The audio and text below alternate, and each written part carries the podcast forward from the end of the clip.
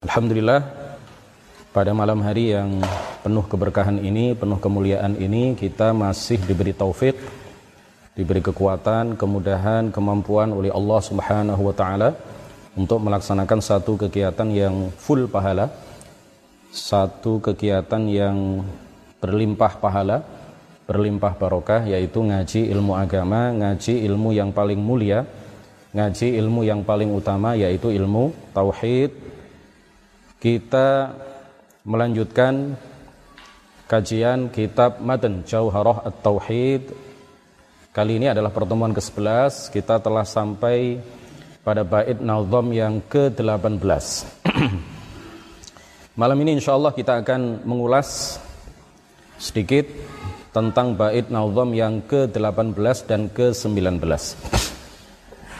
قال المؤلف رحمه الله تعالى ونفعنا به وبعلومه وأمدنا بأمداده وأفاض علينا من بركاته. آمين. وفسر الإيمان بالتصديق والنطق فيه الخلف بالتحقيق. فقيل شرط كالعمل وقيل بل شطر والإسلام اشرحن بالعمل. وفسر dan ditafsirkan dan dimaknai dan diartikan al-imanu. Iman itu bitasdiqi dengan arti membenarkan. Bitasdiqi dengan arti membenarkan yang disertai dengan meyakini. Wan nutqu wan dan mengucapkan dua kalimat syahadat fihi padanya fihi di dalamnya al khulfu terdapat perbedaan di kalangan para ulama bitahqiqi dengan masing-masing berpedoman pada dalil. Faqila maka menurut satu pendapat mengucapkan dua kalimat syahadat itu adalah syarutun syarat. Syarutun syarat sahnya iman. Faqila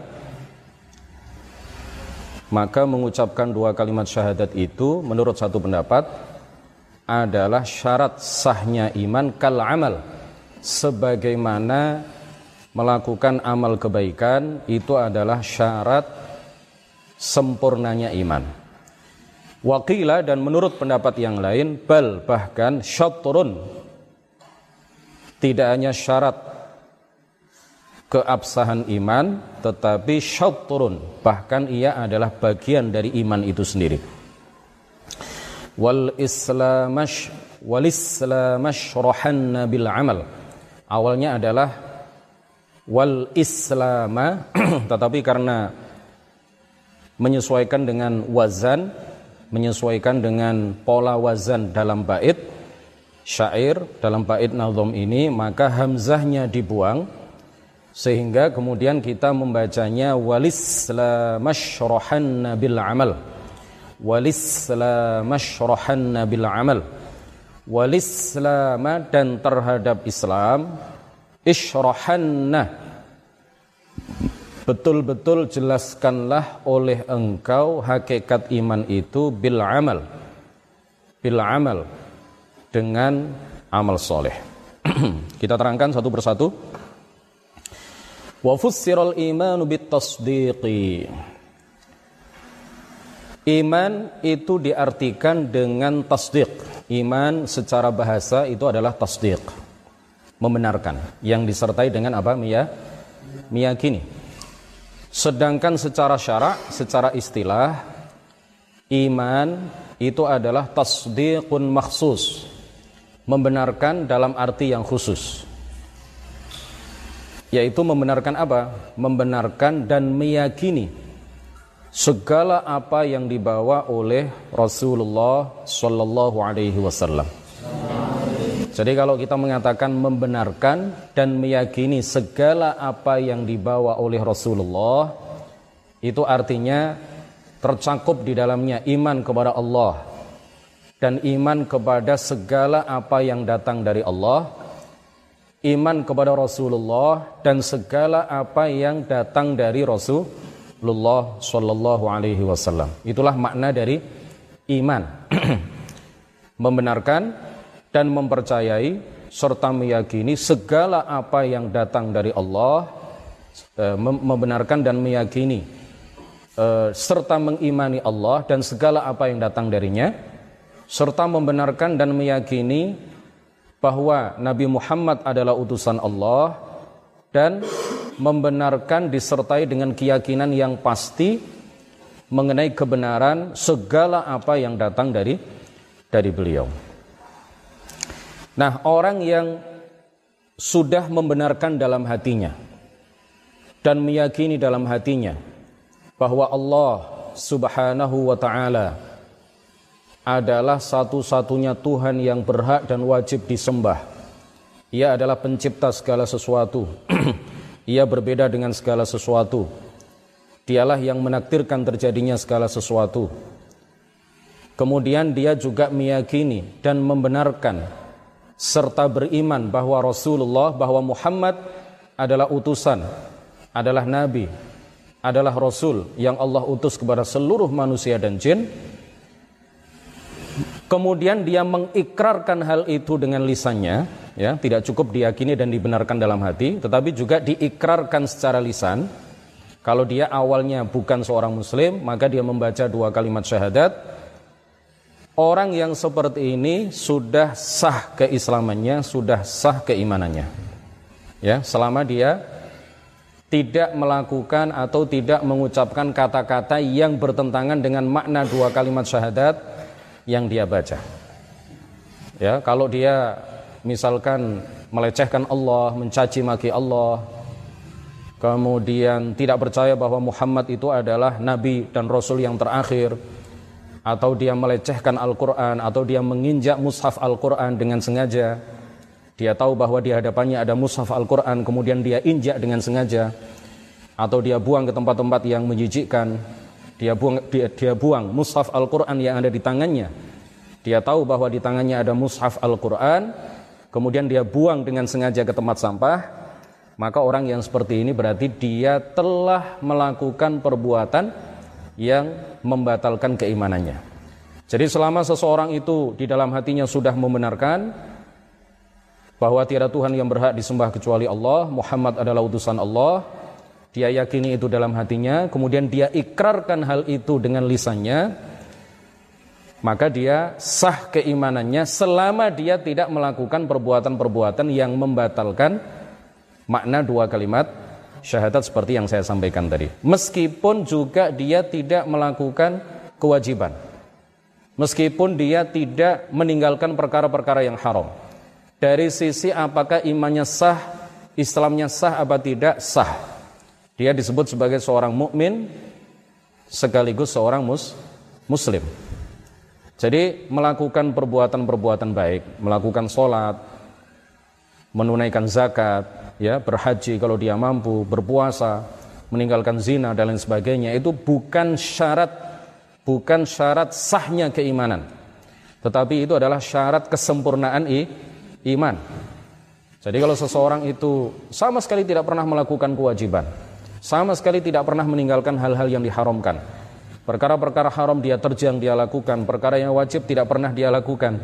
Tetapi dalam hatinya dia meyakini dan membenarkan bahwa tiada Tuhan yang berhak disembah kecuali Allah dan Muhammad adalah utusan Allah, lalu dia ikrarkan dengan lisannya, maka orang yang seperti ini sudah sah iman dan Islamnya.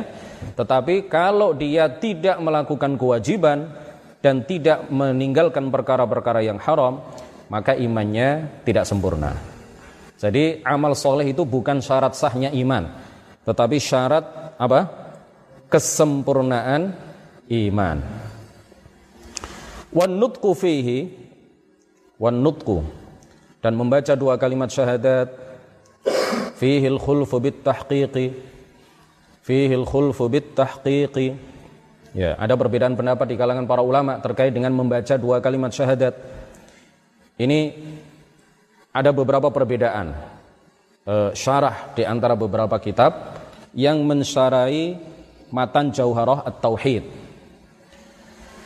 Ini yang paling sesuai ya, yang paling sesuai yang dimaksud perbedaan terkait dengan membaca dua kalimat syahadat itu bukanlah perbedaan yang berkaitan dengan sah tidaknya iman seseorang.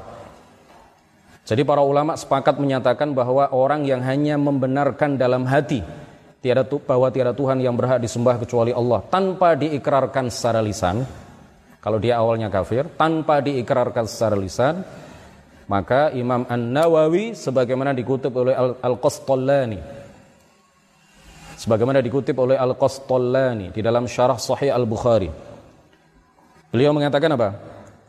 Ittafaqa ahlus sunnati minal muhaddithina wal fuqaha'i para ulama ahlus sunnati wal jamaah sepakat menyatakan ya sepakat di antara mereka adalah para ulama hadis para ulama fiqih wal mutakallimina, para ulama ilmu kalam.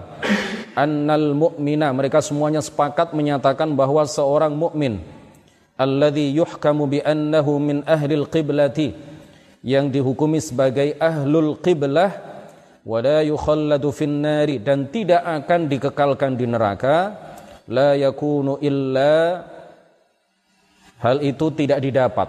Status sebagai ahlul qiblah yang tidak akan dikekalkan di neraka itu tidak akan diperoleh illa man i'taqada kecuali oleh orang yang meyakini biqalbihi dalam hatinya dinal islami kebenaran ajaran Islam i'tiqadan jaziman dengan keyakinan yang pasti tanpa keraguan sedikit pun khalian anis syukuki yang kosong ya yang apa di dalamnya tidak ada keraguan sedikit pun.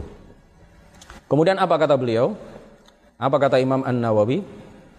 Sebagaimana dikutip oleh Al-Qastallani, wa nataqa ma'a dzalika bisyahadataini.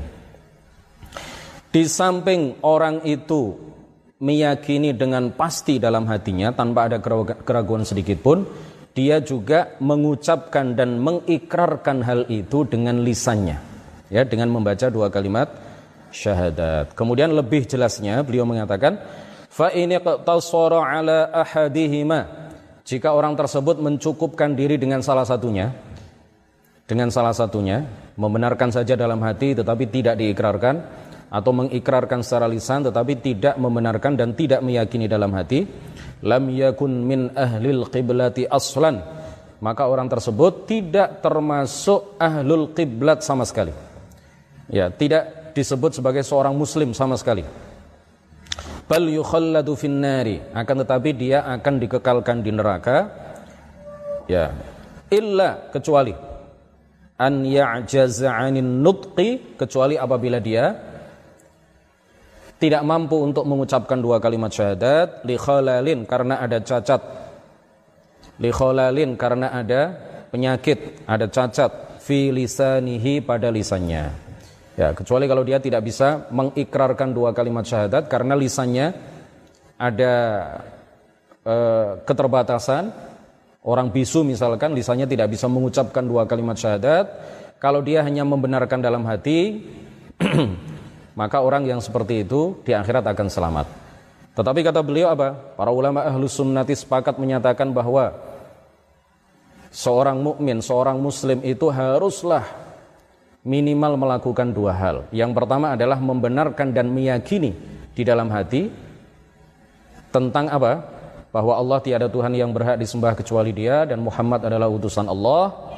Kemudian mengikrarkannya secara li, lisan. Kalau salah satunya saja, maka dia yukhalladu finnar. Kalau dia mati dalam keadaan hanya mencukupkan diri dengan salah satunya, maka dia tidak selamat di akhirat ya dia akan yukhalladu finnar. Artinya apa? Dia kafir. Dia tidak disebut sebagai seorang ahlul qiblah. Dia dia tidak masuk golongan sebagai bagian dari umat Islam. Nah yang dimaksud penggalan kedua dari bait nazam yang ke-18 wan nutqu fihi al-khulfu bit tahqiqi. Ini kalau dalam sebagian syarah dijelaskan bahwa perbedaan pendapat itu terkait dengan ya terkait dengan orang yang sudah dikatakan sebagai muslim, ya, terlahir dari kedua orang tua yang muslim, ketika dia balik otomatis kan dia mus muslim. Tapi apakah dia wajib mengucapkan dua kalimat syahadat di luar sholat sebagai sebuah bentuk melaksanakan satu kewajiban ataukah tidak wajib? Ini ada perbedaan pendapat di kalangan para para ulama. Madhab Maliki mengatakan wajib. Madhab Maliki mengatakan apa? Wajib. Jadi dalam madhab Maliki orang yang sudah balik itu minimal wajib mengucapkan dua kalimat syahadat sekali dalam hidupnya sekali seumur hidupnya di luar sholat ya alal fardiyah sebagai bentuk melaksanakan kewajiban kalau kalau seseorang seumur hidupnya di luar sholat tidak pernah mengucapkan dua kalimat syahadat walaupun hanya satu kali tidak pernah mengucapkan dua kalimat syahadat maka orang ini berdosa ya karena dia telah meninggalkan salah satu apa kewajiban yang Allah bebankan kepadanya kenapa para ulama malikiyah Kenapa para ulama madhab maliki mewajibkan seseorang mengucapkan dua kalimat syahadat di luar sholat minimal satu kali dalam seumur hidup? Karena bagi mereka, menurut mereka, membaca dua kalimat syahadat di dalam sholat itu tidak termasuk rukun sholat. Ya, tidak termasuk rukun sholat. Jadi membaca dua kalimat syahadat menurut madhab maliki, setelah tahiyat akhir, ketika duduk untuk melakukan uh, uh, apa tahiyat akhir ya setelah tahiyat akhir bahkan tahiyat akhirnya sendiri ya itu bagi para ulama madhab maliki bukanlah termasuk rukun rukun sholat jadi mereka kalau sholat itu kalau baca tahiyat akhir ya bagus sunnah baca dua kalimat syahadat dianjurkan sunnah tetapi tidak tidak wajib bukan merupakan rukun kalau ditinggalkan sholatnya tetap sah. Kalau ditinggalkan sholatnya tetap tetap sah. Jadi kalau alamat alamat madhab maliki, ya sholat ala madhab maliki, tergesa-gesa, imamnya cepat, baru sekian detik sudah salam ketika sholat terawih misalkan di rakaat terakhir, kemudian orang ini mengikuti madhab malik, kemudian tidak membaca apa pun ketika duduk sebelum salam itu, maka sah sholatnya menurut madhab Maliki. Oleh karena itu, oleh karena itu mereka mewajibkan di luar sholat seseorang yang sudah balik berakal wajib baginya mengucapkan dua kalimat syahadat sekali dalam seumur hidup. Berbeda dengan tiga madhab yang lain. Berbeda dengan madhab Hanafi, madhab Syafi'i, madhab Hambali. Tidak ada satupun di antara tiga madhab selain madhab maliki yang mewajibkan seseorang membaca dua kalimat syahadat sekali dalam seumur hidup di luar sholat. Karena mereka sudah mewajibkan di dalam so, di dalam sholat. Jadi perbedaannya terkait dengan itu, bukan terkait ya, bukan terkait apakah mengikrarkan dua kalimat syahadat, membaca dua kalimat syahadat itu syarat sahnya iman apa tidak. Kalau ada perbedaan, sebagian syarah kitab Jauharatul Tauhid mengatakan bahwa perbedaan itu adalah perbedaan yang tidak mu'tabar. Jadi kalau ada satu dua ulama yang menyatakan bahwa seseorang yang hanya membenarkan dalam hati, meyakini dalam hati bahwa tiada Tuhan yang berhak disembah kecuali Allah dan Muhammad adalah utusan Allah, meskipun dia tidak mengikrarkan secara lisan, ini orang kafir ini ya. Bukan orang yang terlahir dari kedua orang tua yang muslim. Memang orang kafir. Orang kafir, dia hanya membenarkan dalam hati, tidak membaca dua kalimat syahadat. Kalau ada ulama yang menyatakan bahwa Islam orang itu sah, ada memang beberapa orang ulama yang berpendapat seperti itu. Tetapi ini adalah eh, apa khilaf ya, khilaf yang tidak mu'tabar. Artinya apa? Menyalahi apa yang disampaikan oleh Imam An-Nawawi bahwa para ulama semuanya sepakat ijma menyatakan bahwa mengucapkan dua kalimat syahadat bagi orang kafir mengikrarkan secara lisan dua kalimat syahadat bagi orang kafir yang ingin masuk Islam itu adalah syarat sahnya Islam, syarat sahnya i, iman. Jadi kalau ada perbedaan pendapat terkait dengan hal ini maka itu adalah perbedaan yang tidak mu'tabar. Bisa dipahami ya? Jika perbedaan itu ditoleransi, di apa? dianggap ya, dianggap sebagai sebuah perbedaan, Rasulullah Shallallahu alaihi wasallam tidak akan tidak akan menyuruh paman beliau Abu Talib ketika akan mati untuk mengucapkan dua kalimat dua kalimat syahadat. Buktinya apa? Di dalam Sahih Al-Bukhari di dalam Sahih Ibn Hibban juga dan di beberapa kitab hadis yang lain diriwayatkan oleh banyak sekali para periwayat hadis Rasulullah ketika Abu Talib sakit menjelang ajalnya Rasulullah mengatakan kepada beliau am atau ya am wahai paman wahai pamanku qul la ilaha illallah uhajju biha laka indallah Katakanlah la ilaha illallah Muhammadur Rasulullah sehingga aku nanti bisa berhujjah berhujjah pada hari kiamat di pengadilan akhirat bahwa engkau mati dalam keadaan mus muslim. Tapi apa kata Abu Talib? Dia tidak mau mengucapkan dua kalimat syahadat. Dia tidak mau mengucapkan dua kalimat. Syahadat karena khawatir dicaci, dicela, dibuli oleh uh, Abu Jahal dan uh, kawan-kawannya ya. Abu Jahal dan para pemuka suku Quraisy yang lain. Karena pada saat itu tidak hanya Rasulullah yang ada di situ ya. Ada Abu Jahal Abu Jahal juga membisikkan apakah kamu meninggalkan agama yang dibawa oleh nenek moyang kita dan kamu beralih mengikuti agama Muhammad pada akhirnya ya Nabi Muhammad membisikkan sesuatu, mereka juga membisikkan sesuatu. Allah tidak memberikan hidayah kepada Abu Talib sehingga dia mati dalam keadaan tidak mengikrarkan dua kalimat syahadat. Rasulullah sedih lalu Allah Subhanahu wa taala menurunkan ayat innaka la tahdi man ahbabta walakinallaha yahdi man yasha. Sesungguhnya engkau wahai Muhammad tidak dapat menciptakan hidayah pada diri orang yang engkau inginkan dia mendapatkan petunjuk walakin Allah yahdi man yasha tetapi Allah lah yang memberikan hidayah dan menciptakan hidayah di hati orang-orang yang dia dia kehendaki. Rasulullah hanya berusaha berikhtiar menyampaikan dakwah Islam kepada Abu Talib tetapi Abu Talib sebenarnya membenarkan di dalam hati dia membenarkan tetapi tidak mau mengikrarkan secara lisan. Nah setelah itu di dalam sebuah hadis yang diriwayatkan oleh Imam Ibnu Abi Syaibah di dalam kitab Al-Musannaf Sayyidina Ali kemudian datang ke hadapan Rasulullah setelah meninggalnya ayahnya Abu Talib, paman baginda Rasulullah Sallallahu Alaihi Wasallam. Apa yang dikatakan oleh Sayyidina Ali kepada baginda Rasulullah Sallallahu Alaihi Wasallam?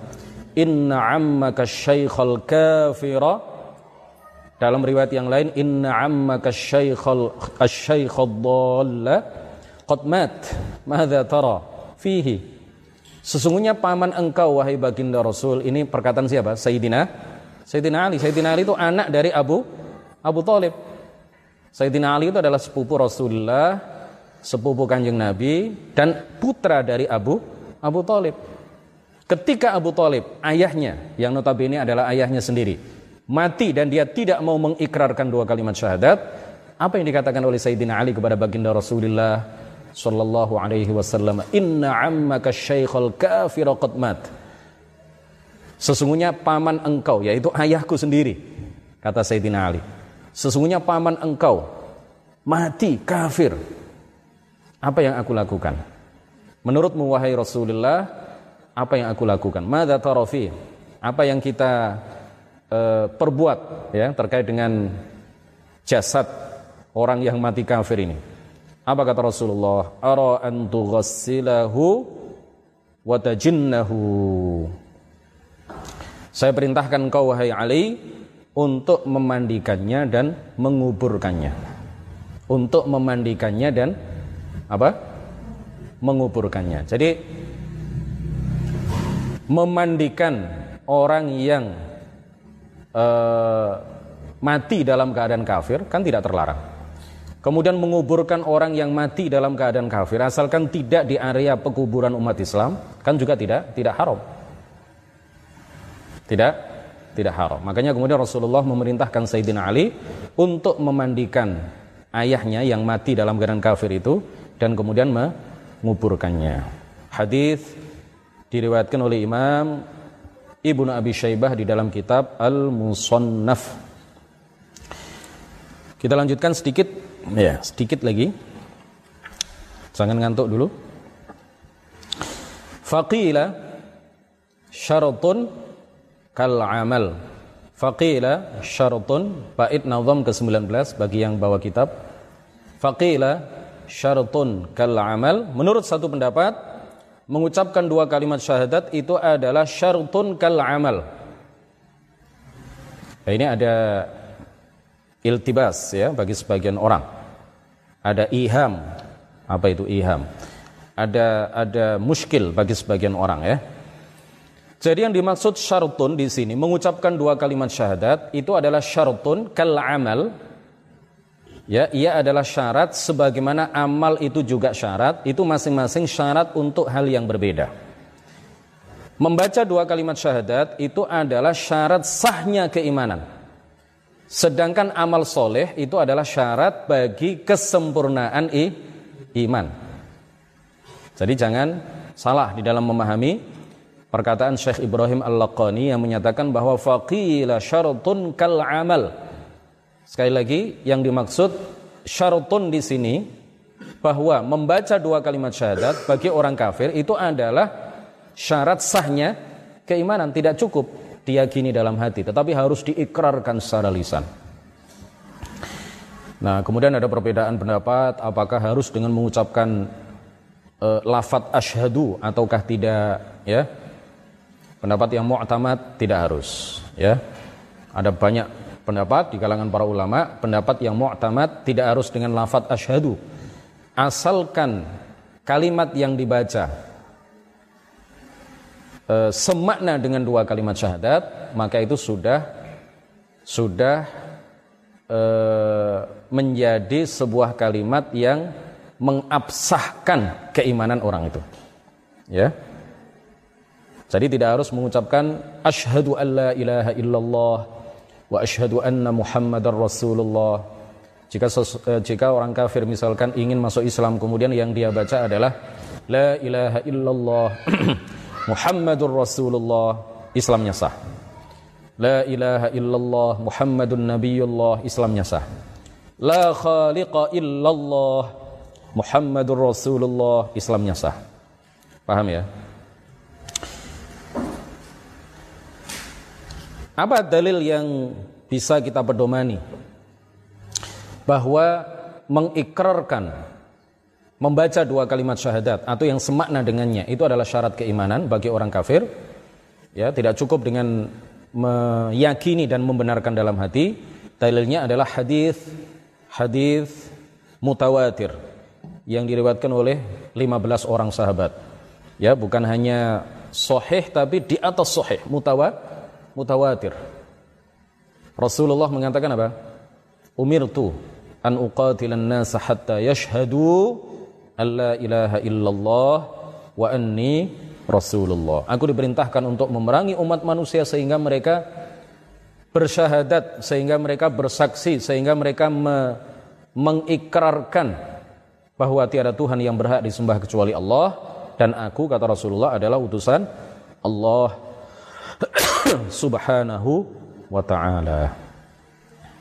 Jadi orang yang uh, syartun, kembali ke syartun tadi ya, bait nazam ke-19, kalau amal soleh itu bukan syarat sahnya keimanan, tetapi syarat kesempurnaan i, iman. Jadi orang yang meninggalkan sholat karena malas, meninggalkan puasa karena malas, tidak berzakat karena enggan, bukan karena juhudan, bukan karena mengingkari kewajiban sholat, mengingkari kewajiban puasa, bukan karena mengingkari kewajiban zakat, tetapi dia meninggalkan kewajiban-kewajiban itu semata-mata karena malas, karena enggan, eman. bakhil terhadap hartanya, eman, sayang kalau dibayarkan zakat itu sayang. Mendingan dipakai untuk bangun rumah. Mendingan dipakai untuk beli mobil. Mendingan dipakai untuk yang lain daripada dibayarkan untuk zakat. Enggan membayar zakat. Orang yang seperti ini Islamnya, imannya, Islamnya tidak tercabut dari dia. Dia masih disebut sebagai seorang mukmin, seorang muslim, tetapi imannya tidak sem sempurna karena dia meninggalkan berbagai kewajiban. Berbeda apabila ada orang yang meninggalkan sholat karena meyakini bahwa sholat itu tidak wajib, ya, juhudan, mengingkari kewajiban sholat. Dia meninggalkan sholat bukan karena malas, tetapi karena mengingkari kewajiban sholat, maka orang yang seperti ini hukumnya apa? Kafir. Orang yang seperti ini hukumnya apa? Kafir. Oke. Kita lanjutkan. Bait nazam yang masih bait nazam yang ke-19. Waqila bal syatrun. Ya, menurut sebagian ulama yang lain, jadi pendapat yang pertama tadi bahwa bahwa apa namanya mengucapkan dua kalimat syahadat itu itu adalah syarat sahnya keimanan tidak cukup hanya diyakini dan dibenarkan dalam hati itu adalah pendapat mayoritas para ulama Asy'ariyah dan Maturidiyah. Nah, sebagian ulama mengatakan bahwa mengucapkan dua kalimat syahadat bagi orang kafir yang ingin masuk Islam itu bukan hanya syarat sahnya keimanan, tetapi itu merupakan syatrun bagian dari iman itu sendiri. Ya, bukan syarat sahnya iman tetapi apa? Lebih dari itu, bagian dari iman itu itu sendiri. Oleh karena itu, ya ini adalah pendapat Imam Abu Hanifah dan sebagian Asy'ariyah. Sekali lagi ini adalah pendapat Imam Abu Hanifah dan para pengikutnya. Juga ini adalah pendapat yang dipegang teguh oleh sebagian golongan atau kelompok Asy'ariyah. Jadi kata mereka, kalau ada seseorang yang membenarkan dalam hati bahwa tiada Tuhan yang berhak disembah kecuali Allah dan Muhammad adalah utusan Allah, meyakini hal itu dengan hatinya, dalam hatinya tanpa ada keraguan sedikit pun, tetapi kemudian dia tidak mengikrarkan secara lisan, padahal dia mampu mengikrarkan secara lisan, maka orang yang seperti ini di akhirat masuk neraka selama-lamanya.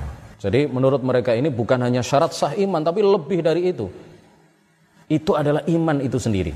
Ya. Mengikrarkan secara lisan itu adalah bagian dari iman itu sendiri. Bukan hanya syarat sah ke keimanan. Terakhir sekali walis lamash rohan bil amal walisla gitu kalau baca ya. Ini menyesuaikan dengan wazan ya. Mestinya mestinya wal islam nanti kacau ini wazannya. Tidak tidak yastaqim ya. Tidak sesuai dengan polanya. Makanya kemudian apa? Hamzahnya dibuang, hamzahnya dibuang. Jadi kita membacanya langsung ke lam yang dikasroh itu. Walisla mashrohan bil amal atau boleh juga dirofakkan. Walisla musyrohan bil amal.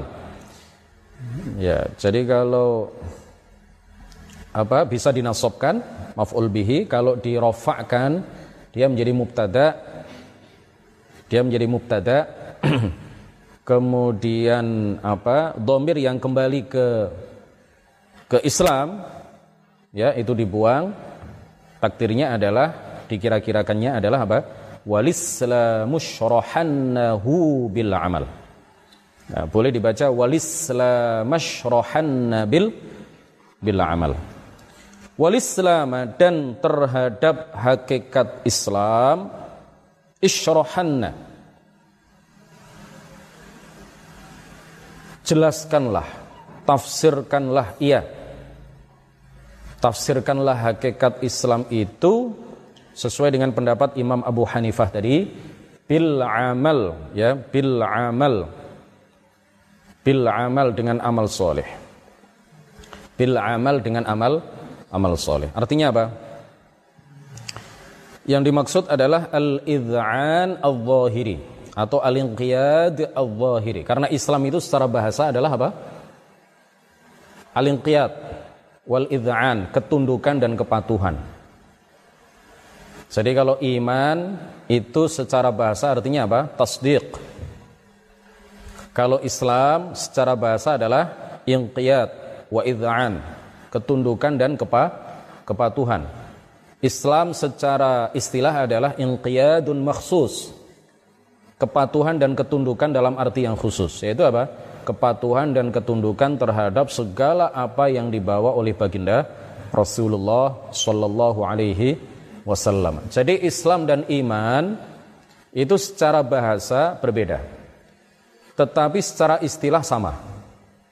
Ya, secara istilah apa? Sama. Seorang mukmin adalah seorang muslim, seorang muslim adalah seorang seorang mukmin. Jadi nggak ada orang yang ini menurut pendapat yang eh, mu'tamad ya. Sebagaimana yang disampaikan oleh Imam Abu Hanifah, la yakunu imanun bila Islam. Tidak ada iman tanpa Islam. Wala Islamun bila iman. Tidak ada Islam tanpa iman. Fahuma maka keduanya iman dan Islam kadzahri ma'al batni bagaikan punggung dan perut. Punggung dan perut bisa dipisah nggak? Nggak bisa. Bisa dipisah? Bisa tapi ya mati orangnya. Bisa dipisah tapi mah mati artinya nggak bisa dipisah. Satu kesatuan, punggung dan perut itu satu kesatuan bagikan iman dan Islam yang satu kesatuan tidak bisa dipisah. Islam adalah iman, iman adalah Islam, mukmin adalah muslim, muslim adalah mukmin. Tetapi ada seorang muslim yang imannya lemah, ada seorang muslim yang imannya sempurna. Kesempurnaan iman itu dilaku, eh, eh, diraih oleh seseorang dengan melakukan berbagai kewajiban dan meninggalkan perkara-perkara yang diharamkan. Semakin banyak melakukan kewajiban, semakin banyak meninggalkan hal-hal yang diharamkan, maka imannya menguat, imannya semakin sempurna. Begitu seseorang itu meninggalkan banyak kewajiban dan meninggalkan perkara-perkara yang dan melakukan perkara-perkara yang diharamkan dan meninggalkan berbagai kewajiban, maka imannya semakin melemah. Imannya semakin turun. Nah, ini nanti akan dibahas apakah iman itu naik atau turun, menguat atau melemah. Ini ada perbedaan pendapat di kalangan para ulama ya. Pada beberapa bait insya Allah selanjutnya. Jadi yang dimaksud uh, bil amal ini adalah bil amalis soleh dengan amal kebaikan. Artinya ya Islam itu tidak akan tercabut dari diri seseorang kecuali apabila seseorang itu misalkan meninggalkan sholat ya meninggalkan uh, kewajiban meninggalkan kewajiban karena juhudan mengingkari kewajiban itu tidak meyakini hukum wajibnya kewajiban yang dia tinggalkan. Bukan karena malas tetapi karena memang mengingkari kewajibannya. Kalau seseorang meninggalkan kewajiban karena dia mengingkari kewajiban itu, hukum wajibnya kewajiban itu, maka Islamnya tercabut dari dirinya. Ya, artinya dia sudah tidak memiliki inqiyad, ya. Artinya dia sudah tidak patuh lagi terhadap apa yang dibawa oleh baginda Rasulullah Shallallahu Alaihi Wasallam. Demikian kajian kita pada malam hari ini mudah-mudahan menjadi ilmu yang bermanfaat. Subhanakallahumma wa bihamdik asyhadu an la ilaha illa anta astaghfiruka wa atubu ilaik. La ilaha illallah. Allahumma salli ala sayyidina Muhammad wa ala alihi wa sahbihi wa sallim. ربي اغفر لي ولوالدي وللمؤمنين والمؤمنات. والسلام عليكم ورحمة الله وبركاته.